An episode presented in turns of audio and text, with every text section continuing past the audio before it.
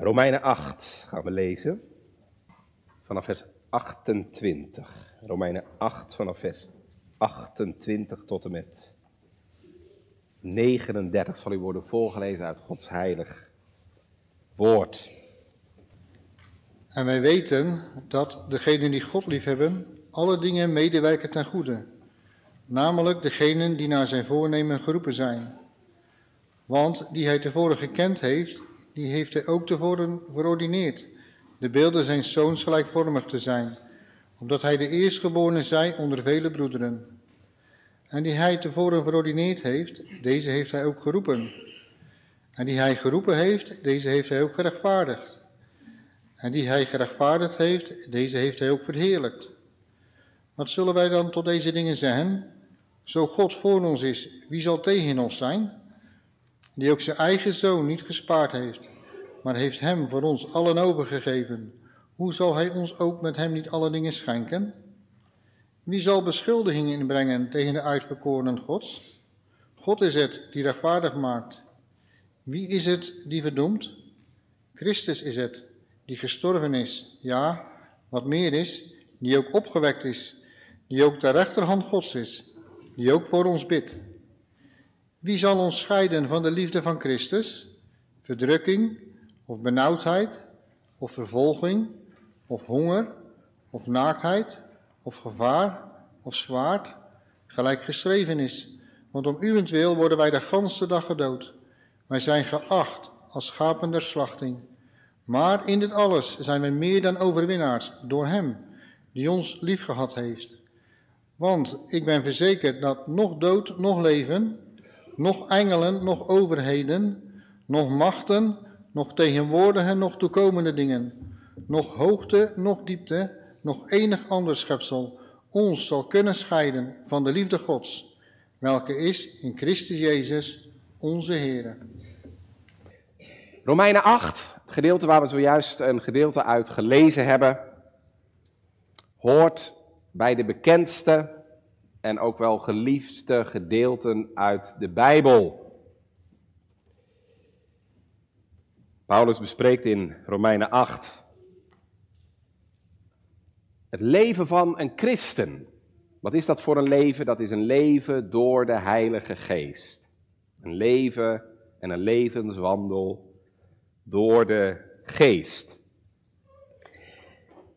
En in dat stukje wat wij gelezen hebben, het allerlaatste stukje van hoofdstuk 8, komt Paulus tot een climax.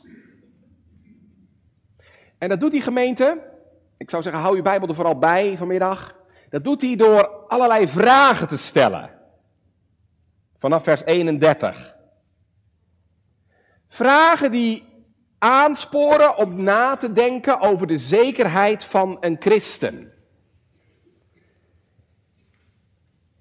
Is er iets in de wereld wat de zekerheid van een kind van God, van een christen, in gevaar kan brengen?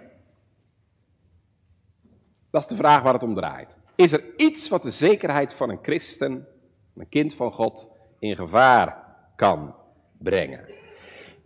Is er iets wat ons kan scheiden van de liefde van God? Is er misschien iemand die ons kan beschuldigen? Is er iemand die ons kan veroordelen? En het antwoord gemeente is nee. Nee. Dat is onmogelijk. Paulus geeft dat antwoord niet eens. Want dit zijn allemaal retorische vragen. Het betekent, de vraag maakt al duidelijk dat het helemaal niet kan wat er gevraagd wordt. Want er is niets, niets wat de zekerheid van een christen in gevaar kan brengen. En de kerngemeente vind je in vers 31. Wat zullen wij dan tot deze dingen zeggen? Paulus draait zich nog één keer om naar alles wat hij tot nu toe in die lange, grote Romeinenbrief geschreven heeft.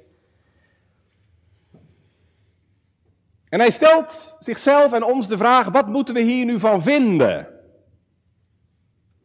Van alles wat ik zojuist geschreven heb.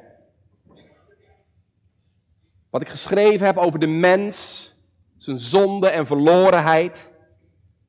Wat ik geschreven heb over Christus en over het werk van de Heilige Geest. Wat zullen wij dan tot deze dingen zeggen? En dan is zijn antwoord, vers 31.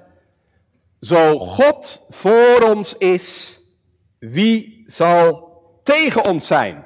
Gemeente, dat is de kern. Daarmee kunt u het hele evangelie samenvatten.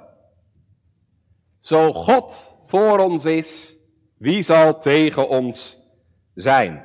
Want een kind van God mag weten, God is voor mij. En daarom, wie of wat kan tegen ons zijn? Oh ja, er kunnen heel veel dingen tegen ons zijn. En moet je maar eens kijken wat hij beschrijft in vers 35. Hè, verdrukking, benauwdheid, vervolging, honger, naaktheid, gevaar, zwaard. En toch, hoe zwaar, hoe moeilijk dat ook kan zijn, ook dat kan je uiteindelijk niet scheiden van de liefde van God in Christus Jezus. Met andere woorden, als God voor je is, kan uiteindelijk niets definitief tegen je zijn.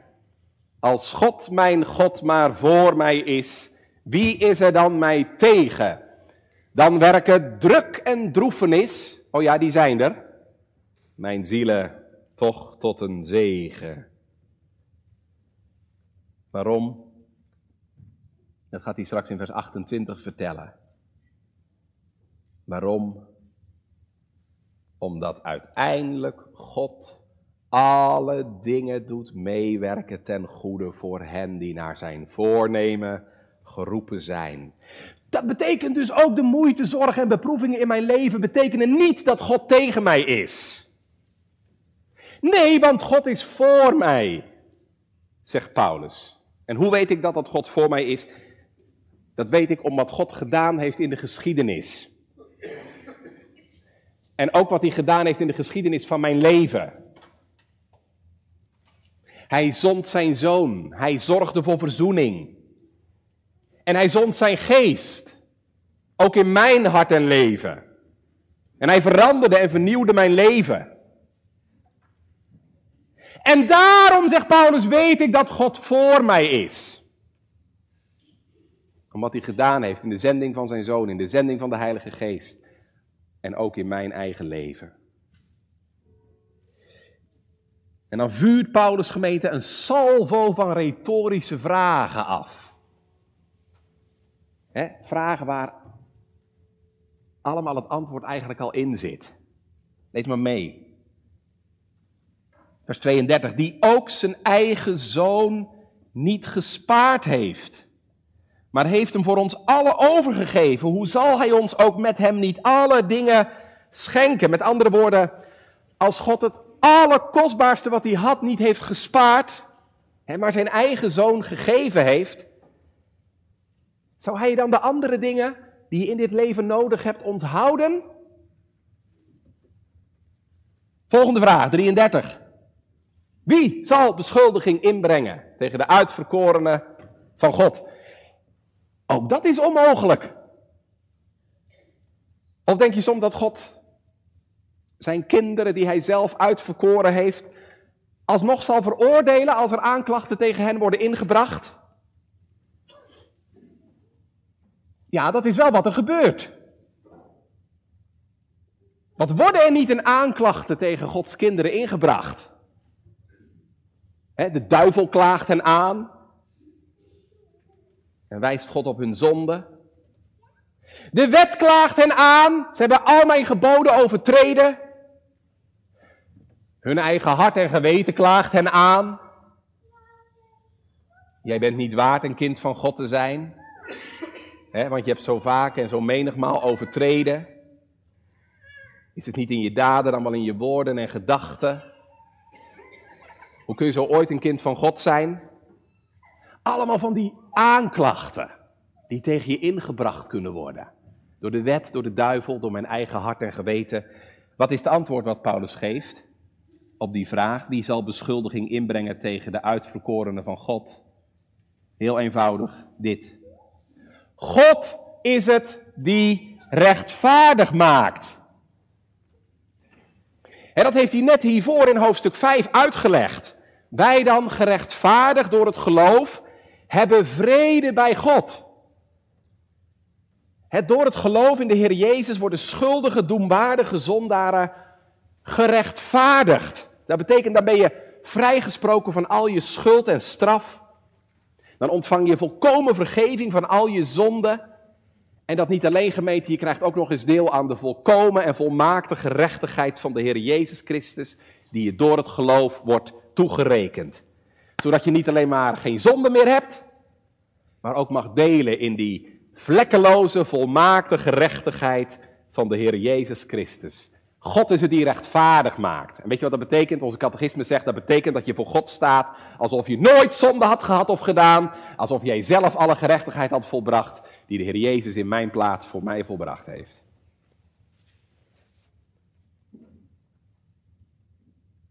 Wie zal beschuldiging inbrengen tegen de uitverkorene God, als God jou heeft gerechtvaardigd door het geloof in de Heer Jezus Christus? En dan bijna dezelfde soort vragen, 34, vers 34. Wie is het die verdoemt?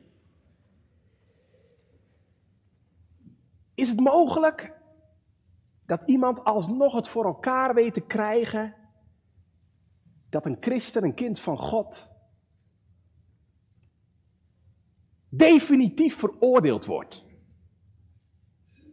En met andere woorden, dat je het zo bond maakt, dat God je uiteindelijk alsnog verdoemen moet. Ja, wij zouden zeggen, gemeente, dat is toch niet denkbeeldig, toch? Denk eens aan wat David deed. Die een onschuldig mens vermoordde. Of denk eens wat Petrus deed. Christus vervloeken. En met een eed zweren, ik ken hem niet. Gemeente kinderen van God kunnen het soms zo bond maken. Dat je denkt, en dat kun je zelf soms ook denken. En nou is het voorbij. En nou is het voorbij en nou is het over en uit. Nou is er bij God geen genade meer. Nou heb ik me eruit gezondigd. Nou moet en kan de Heer niks anders meer dan me veroordelen en me verloren laten gaan. Gemeente, er zijn momenten in een christenleven dat het zover kan komen. Dat je denkt dat God zo klaar met je is, dat hij uit zijn boek haalt. En als u die momenten nooit gehad hebt, dan moet je afvragen of je jezelf wel voldoende kent. En of je de uitermate zondigheid van je hart en bestaan voldoende beseft. Dan ik Tukker ooit eens horen zeggen. Zo voor zijn gevoel het verknoeid en verbruikt had voor de Heer. Dat hij dacht, Heer, nou bent u klaar met mij.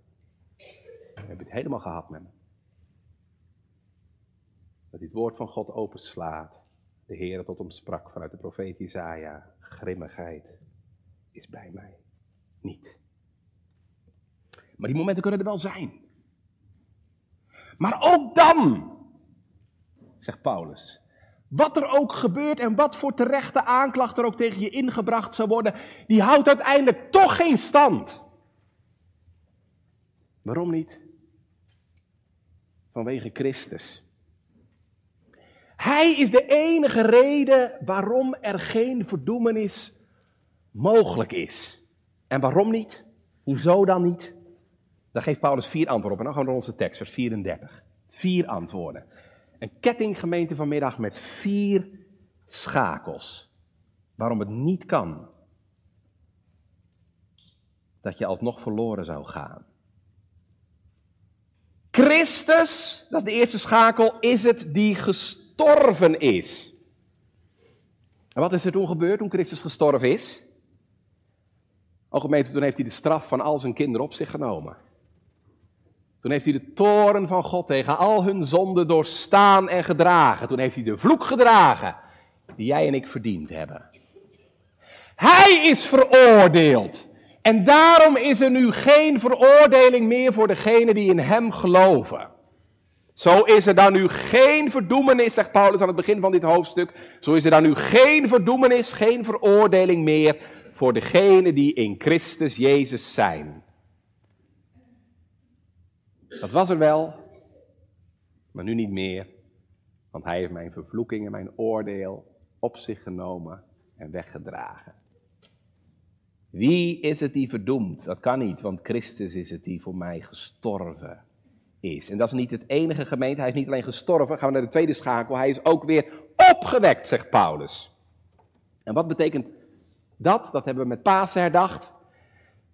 Dat betekent dat God de Vader zijn openlijke goedkeuring heeft gegeven aan het werk van de Heer Jezus. Dat het dus echt waar is dat Hij de vloek heeft gedragen, de straf heeft gedragen, de schuld heeft betaald. Daar is geen twijfel aan mogelijk, want Hij is opgestaan. Overgeleverd, zegt Paulus in Romeinen 4, om onze zonde opgewekt tot onze rechtvaardigmaking.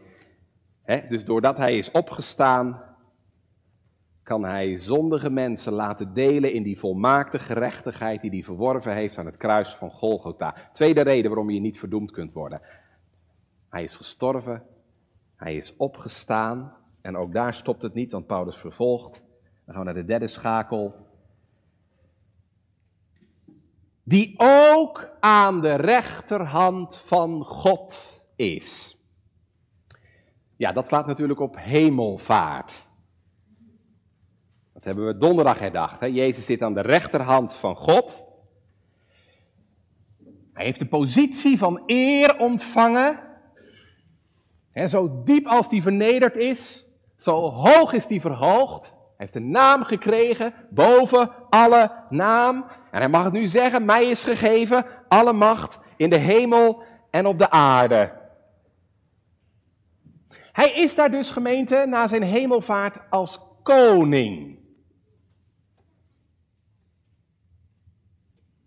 Ook als priester, zullen we zo meteen nog wel zien. Maar ook dus als koning. Als koning regeert en bestuurt hij alle dingen ten goede van zijn kerk. Zorgt voor hen, hij waakt over hen. Hij beschermt hen continu, 24-7. Voortdurend rust zijn wakend oog op hen. En weet je wat hij ook doet als koning? Als koning werkt hij ook met zijn heilige geest in zondaarsharten. Zodat mensen hem als koning gaan erkennen. Want hij is door de Vader verhoogd om te geven bekering en vergeving van zonden. En dan het laatste wat we lezen in onze tekst, en dat is het kerngedeelte voor vanmiddag, waar ik het meest veel over wil zeggen.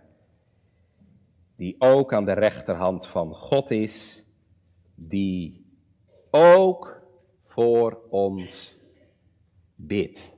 En dat is dus de laatste garantie waarom gelovigen niet hoeven te vrezen dat iets hen nog kan veroordelen want Jezus bidt voor hen.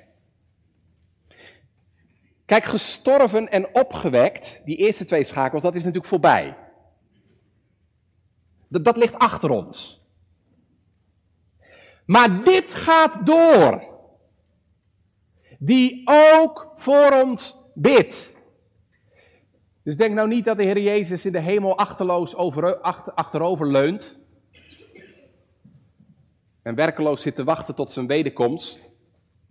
Nee, deze woorden laten zien, zijn werk gaat door.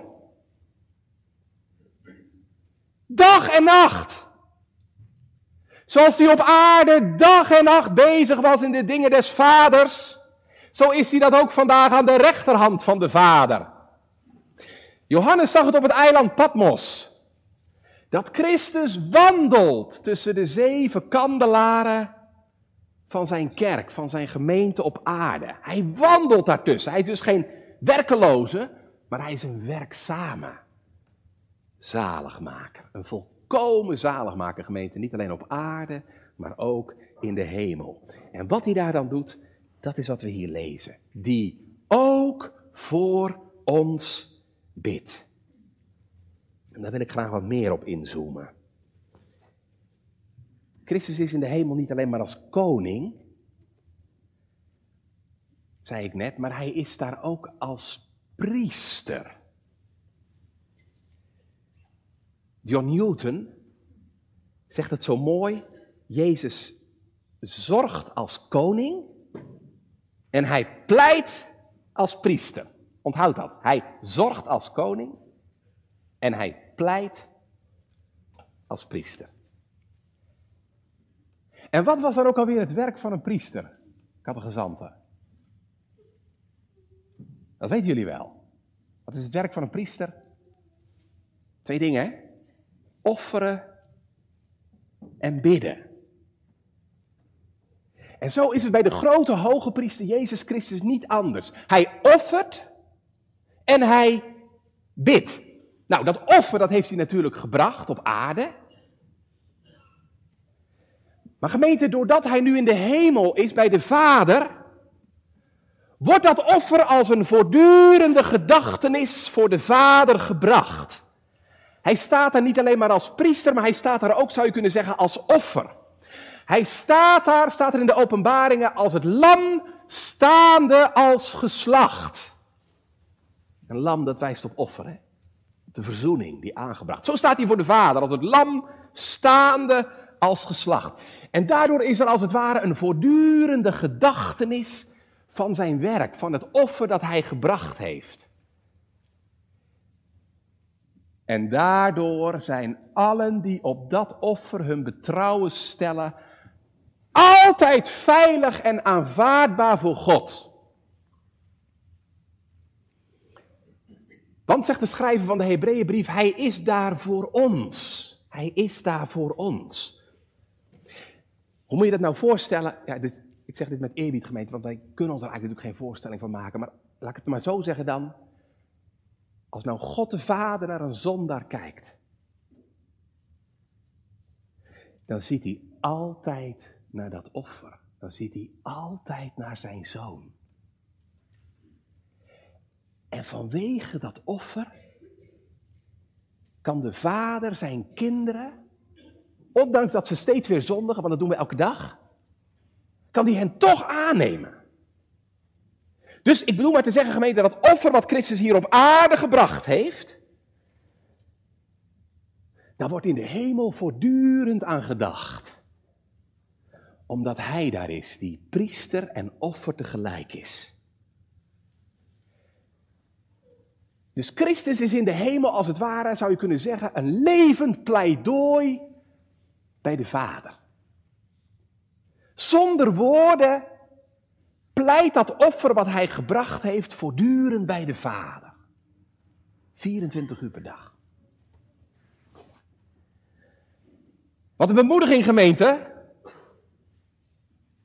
Wat een bemoediging dat Christus in de hemel is. Met zijn offer. Wat een bemoediging vanmiddag, gemeente, voor een schuldige zondaar. Zijn ze hier vanmiddag? Klaagt uw geweten u aan dat u tegen al Gods geboden gezondigd hebt en geen daarvan gehouden hebt?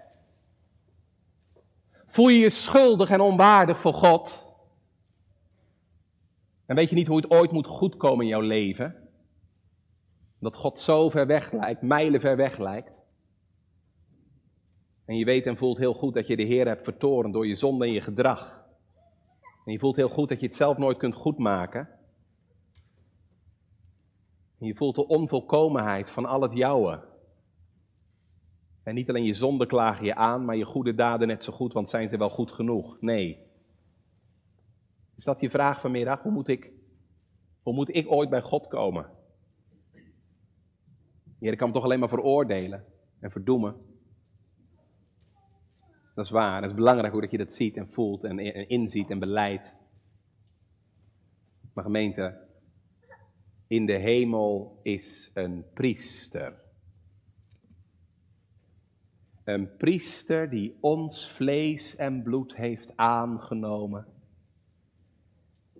Niet om ons te vernietigen en kapot te maken en te verdelgen, maar die ons vlees en bloed heeft aangenomen om zondaren te zaligen en te redden.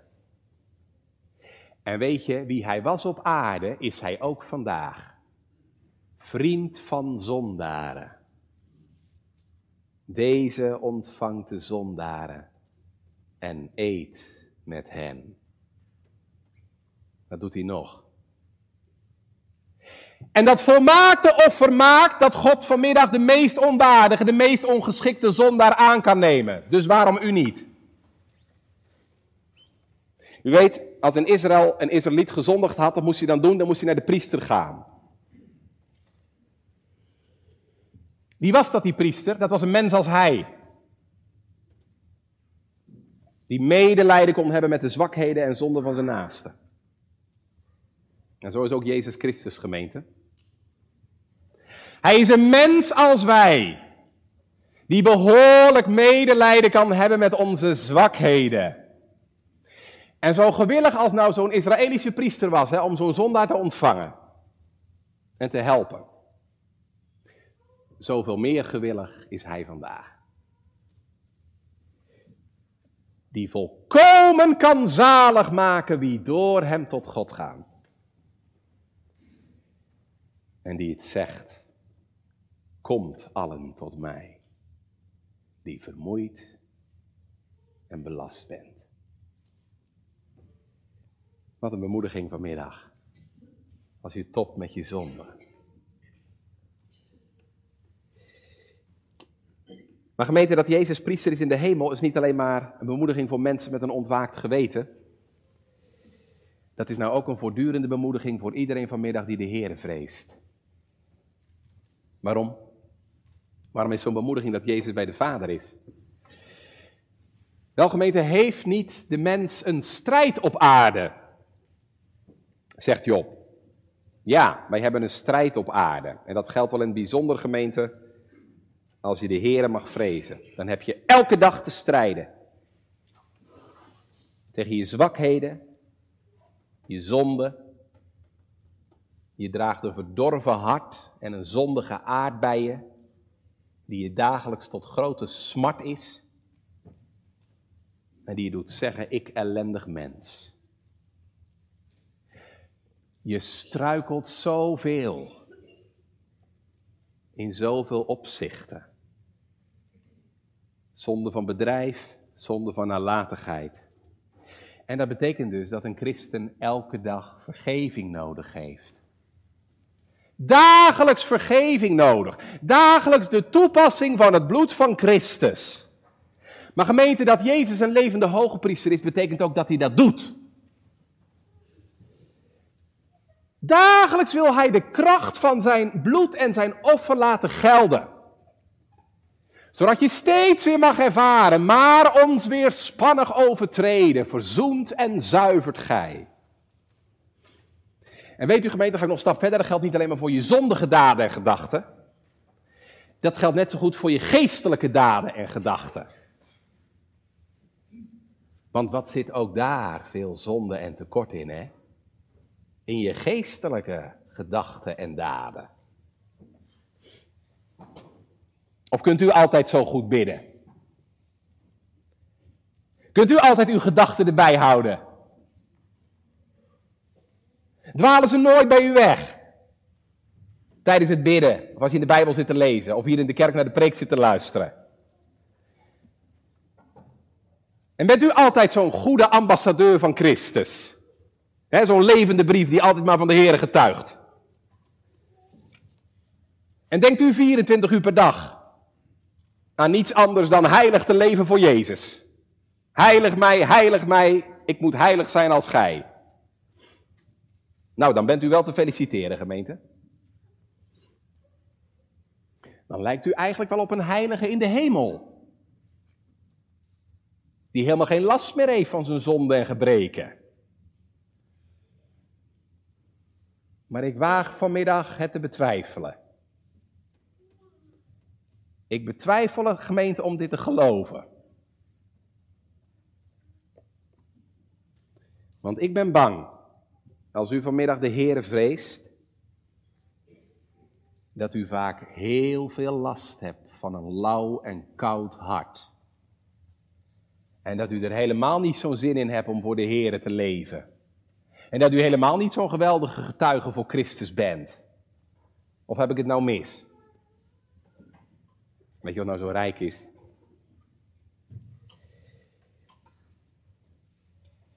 Weet u, in Israël zorgde de priester niet alleen maar voor verzoening van je zonden. Er staat zo'n merkwaardige uitdrukking in het Oude Testament dat de priester ook de ongerechtigheid van de heilige dingen droeg. Hoort u dat? De ongerechtigheid van de heilige dingen. Ook daarvoor was verzoening. Niet alleen maar voor de ongerechtigheid van je zonde, maar ook de ongerechtigheid van de heilige dingen. Zo draagt Christus ook de ongerechtigheid van mijn heilige dingen weg bij de Vader. En daar blijft het niet bij, want gemeente, een priester offert niet alleen, daar heb ik het net uitgebreid over gehad. Hij bidt ook. Onze tekst zegt, die ook voor ons bidt.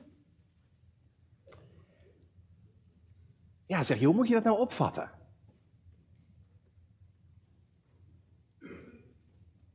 Ligt de Heer Jezus op zijn knieën te bidden en te smeken voor zijn vader? Nee, zo moeten we dat niet opvatten, gemeente. Niet alsof Christus op zijn knieën ligt te smeken voor zijn vader. en alsof het nog maar afwachten is hoe de vader zal reageren. Nee, dat is echt een hele verkeerde voorstelling. Als Christus bidt in de hemel, dan bidt hij met volmacht. Ik bedoel, dan weet hij dat hij ook krijgt waar hij om vraagt.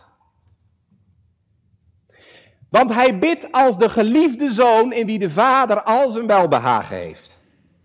Hij bidt als de volmaakte zoon die het volmaakte offer heeft gebracht en die de vader volmaakt gehoorzaam is geweest. Die de raad en wil van zijn vader volmaakt heeft uitgevoerd. Die de missie die de vader hem gegeven heeft tot een goed einde heeft gebracht. Die het kan zeggen, vader, ik heb het werk dat gij mij gegeven hebt te doen, volbracht. Zo bidt Christus in de hemel. Met volmacht. Als de zoon naar wie de vader nou altijd luistert. Jezus zegt het ook, hè? Vader, ik weet dat gij mij altijd hoort. Ja, hij wordt altijd door de Vader gehoord. Als die bid voor Petrus. Ik heb voor u gebeden dat uw geloof niet ophoudt. Dan wordt dat gebed door de Vader gehoord. Als die bid in Johannes 17, Vader, ik wil dat waar ik ben ook zij zijn die u mij gegeven hebt, dan wordt dat gebed verhoord. Als Jezus, want dat doet hij ook, als hij bid voor degenen die nu nog niet geloven, maar die nog zullen gaan geloven. Misschien jij wel. Dan wordt ook dat gebed altijd verhoord. Wat een troost. Jezus kent de omstandigheden van zijn kinderen. Hij weet precies hun nood, hun verdriet, hun vragen, hun verbijstering, hun verwarring. Noem het allemaal maar op. En hij bidt voor hen dat ze de juiste hulp en bijstand zullen ontvangen. Zodat je het kunt volhouden. Zodat zijn kinderen kunnen volharden in het strijdperk van dit leven. Want lieve gemeente, als dat niet gebeurde, als hij niet zou bidden, dan zouden wij het helemaal niet volhouden in alle druk en strijd van dit leven. Als Jezus niet voor Petrus had gebeden, was het echt verloren geweest. En als Jezus niet voor ons bidt, dan is het verloren. Misschien zullen we het in de hemel zien, kinderen van God. Misschien zullen we het in de hemel zien, hoe vaak de voorbidding van Christus je niet behoed heeft voor veel groter kwaad. Maar ik heb voor u gebeden. Wat een troost voor het geloof. Betekent heel eenvoudig, Jezus zorgt voor u. Jezus zorgt voor u. En daarom kunt u niet meer verloren gaan. Wie is het die verdoemt? Als Christus uw schuld heeft betaald, je vloek heeft weggenomen toen hij stierf. En al heb je nog zoveel zonde elke dag en dan heb je nog zoveel last van je zondige aard, u bent rechtvaardig voor God. Want Christus is opgewekt tot uw rechtvaardigmaking. En hij is nu op dit moment in de hemel, u ten goede. Waar hij dagelijks de kracht van zijn offer toepast op uw zonde, die u elke dag weer doet. En waar hij voor u bidt. Gelooft u het?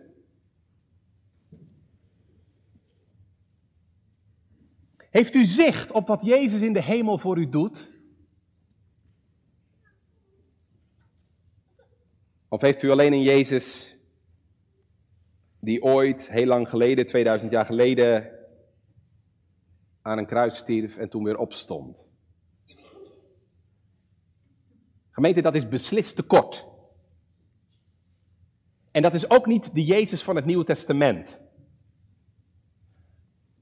Want dat is een levende zaligmaker. Die eeuwig leeft om voor ons te bidden. Ik vraag dit gemeente, want ik ben bang dat er zoveel kinderen van God zijn die hier zo weinig zicht op hebben. Die hier onvoldoende zicht op hebben.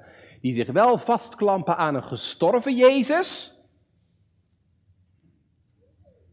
Ze weten wel wat hij deed op aarde, Golgotha. Maar ze weten niet wat hij nu doet in de hemel. En daarom lopen ze zo vaak met een gebogen hoofd over de aarde. En elke dag voel je je zonde en je schuld weer drukken. Ja, want je ziet je tekortkomingen en je zucht er ook onder.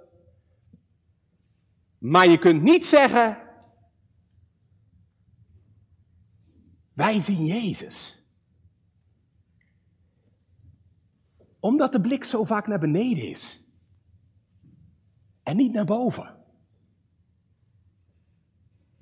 Je maakt zo weinig gebruik van die levende middelaar. En u beseft zo weinig dat er geen verdoemenis meer is voor degenen die in Christus Jezus zijn. Omdat Hij daar leeft om voor u te bidden en te pleiten. U laat zoveel op uw eigen schouders. In plaats van het bij Christus te laten. U beseft niet dat net als Boas deze man niet zal rusten voordat hij alles voleindigd heeft. Dat lezen we van Boas, hè? Deze man zal niet rusten voordat hij alles voleindigd heeft. Maar gemeente, dat geldt veel meer nog voor Jezus Christus. Hij zal niet eindigen. Hij zal niet rusten voordat hij alles zal voleindigd hebben. Dan leef je uit een aardse Jezus. Maar je hebt geen zicht op Jezus in de hemel. En daarmee doe je jezelf zo tekort. En je beseft niet de rust en de vrede die je zou kunnen hebben wanneer je meer aan Christus zou overlaten. En daarom leef je vaak zo vermoeid en belast. En zijn je schouders zo neergebogen onder je zorgen en lasten. Wat doet u uzelf tekort? Dat wil de Heer Jezus niet. Dat wil de Heer Jezus niet. Weet u, zoals Jacob zeven jaar met vreugde werkte voor zijn bruid. Zo werkt Christus dag en nacht met vreugde bij de Vader. Om straks zijn bruid altijd bij zich te hebben. Dat is geen last voor hem. Dat is zijn hoogste vreugde. Want hij verlangt ernaar om haar eeuwig bij zich te hebben. En daarom is hij dag en nacht in de weer voor haar in de hemel. Hij is bezorgd over haar, hij waakt over haar, hij beschermt haar, hij bidt voor haar. dat ze mag volharden en het vol mag houden in het strijdperk van dit leven. Zie dan toch meer op die grote hoge priester aan de rechterhand van de Vader. Ga dagelijks met uw dagelijkse zonden en lasten naar hem toe. En maak toch meer gebruik van deze levende zaligmaker. Want gemeente, dat is zijn liefste werk. Hij wil je schuld verzoenen, al kom je voor de duizendste keer. En hij wil je onvolmaakte leven en al je gebrekkigheden in het dienen van hem, wil die bedekken. Hij wil al jouw gebeden reinigen van alle onvolkomenheden. Want dat is zijn taak en zijn liefste werk. En als u vanmiddag nog geen hoge priester hebt, als u deze hoge priester nog niet kent, besef dan vanmiddag hoe gevaarlijk en ernstig uw toestand is. Want als jij deze hoge priester nog niet kent, dan is je schuld nog niet weg. Dan ben je dus niet rechtvaardig voor God. Dan heb je geen voorbidder in de hemel die voor je bidt. Dan is Christus daar wel, maar hij is daar niet u ten goede. Want u bent nog onder het oordeel van God. Zolang je zonden niet vergeven zijn, rust de toren van God op je. Dan wil ik u vragen om deze tekst nog eens te lezen. Want dan zijn ze ook op u van toepassing, maar dan wel op een andere manier. Wie is het die verdoemt? Christus! Christus? Zal Christus mij verdoemen? Als u zich niet bekeert van uw zonde, zal Christus u verdoemen. Want de Vader heeft al het oordeel aan zijn zoon gegeven. En dan zal Christus je inderdaad verdoemen, omdat jij niet gewild hebt dat hij koning over je zijn zou. Omdat hij niet jouw priester mocht wezen en je zonde mocht verzoenen. Nou gemeente, dan kunt u de woorden van vers 31 wel omdraaien vanmiddag. Niet zo God voor ons is, wie zal tegen ons zijn, maar zo God tegen ons is, wie zal dan voor ons zijn? Zo God tegen jou is, wie zal voor je zijn? Dan leef je toch in een levensgevaarlijke toestand. Want onthoud, het leven zonder priester is levensgevaarlijk.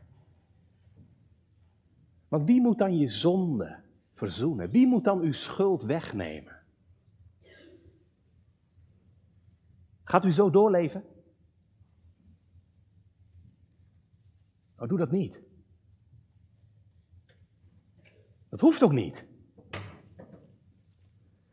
Want ook u mag vanmiddag dit evangelie horen. Christus is het die gestorven is. Ja, wat meer is, die ook opgewekt is. Die ook aan de rechterhand van God is. En ik zeg het nog een keer, dezelfde die hij was op aarde, is hij ook vandaag. Want Christus is niet in de hemel alleen maar gemeente om zijn kinderen te helpen. Dat doet hij ook, zeker, ja. Maar Christus is ook in de hemel vandaag om zondaren te helpen. En nou staat er voor hem geschreven dat hij volkomen kan zalig maken wie door hem tot God gaan. En nou mijn vraag aan u. Wat doet u nu met deze zalig maken? En wij hebben vanmiddag gezien wat hij doet. Maar ik ga u nu ook vragen, wat doet u met hem? Wat doet u met hem?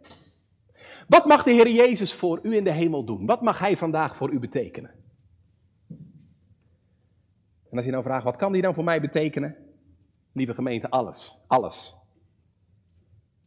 Ook nu in de hemel is hij gewillig om zondaren zalig te maken. Om ieder te ontvangen die tot hem de toevlucht neemt. Die met zijn zonde en ellende, zongen we, tot hem zich ter genezing wenden. Dan staat hij daar vandaag bij de Vader met diezelfde doorboorde handen, die nog steeds zijn uitgestrekt om zondaren aan te nemen.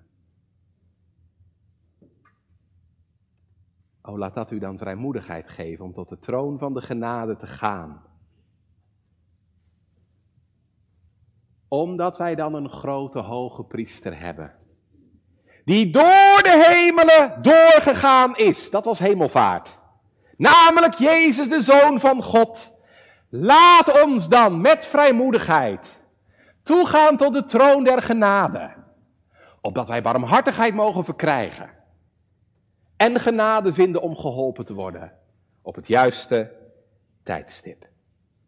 En gemeente, er zit geen rechter op de troon, maar een broeder. Een die uit liefde tot zondaren ons vlees en bloed heeft aangenomen. Die in alle dingen verzocht is geweest zoals wij. Die u en jou door en door begrijpt. En die nou niks liever doet dan arme berooide zondaren aannemen. En heeft hij u aangenomen? En u hem? Want dat hoort er ook bij. Zoveel hem aangenomen hebben, die heeft hij macht gegeven kinderen van God te worden. Heeft u hem aangenomen en u hem? Dan mag je weten dat je in de hemel een vriend en broeder hebt. Die dagelijks aan u denkt. Die elke dag je zonde weer bedekt. En die dagelijks voor je bidt. En die als die meerdere boas niet zal rusten voordat hij de zaak voleindigd zal hebben. Nabij Gods hoog verheven troon is iemand die steeds voor mij pleit. Hij is volmaakt, Gods eigen zoon en priester tot in eeuwigheid. Mijn naam geschreven in zijn hand, bewaart hij eeuwig in zijn hart. Ik weet, geen aanklacht houdt meer stand, wanneer mijn redder pleit voor mij. Al klaagt de Satan mij steeds aan, terwijl die wijst op al mijn schuld. Ik kijk omhoog en zie hem staan, die alles voor mij heeft vervuld omdat Hij al mijn zonde droeg. En door Zijn bloed ben ik nu vrij. Want Jezus' offer was genoeg. Voor Gods vergeving, ook voor mij. Ja, Hij is mijn gerechtigheid. Want zie, het lam is opgestaan. Hij troont als Heer der heerlijkheid. Wiens liefde eeuwig zal bestaan. Ik leef in Hem en hij in mij. Zo één met hem sterf ik niet meer. Eens zal ik zitten aan zijn zij. Mijn Jezus, redder en mijn Heer. Wat kunnen wij anders dan doen? Dan deze zaligmaker loven. Loven. Voor wat u deed op aarde, Heer Jezus. Voor wat u doet in de hemel deze volkomen zaligmaker. Op aarde en in de hemel. Laten we hem loven. Voor zijn troon. En hier beneden. Lof zij u, Christus. Amen.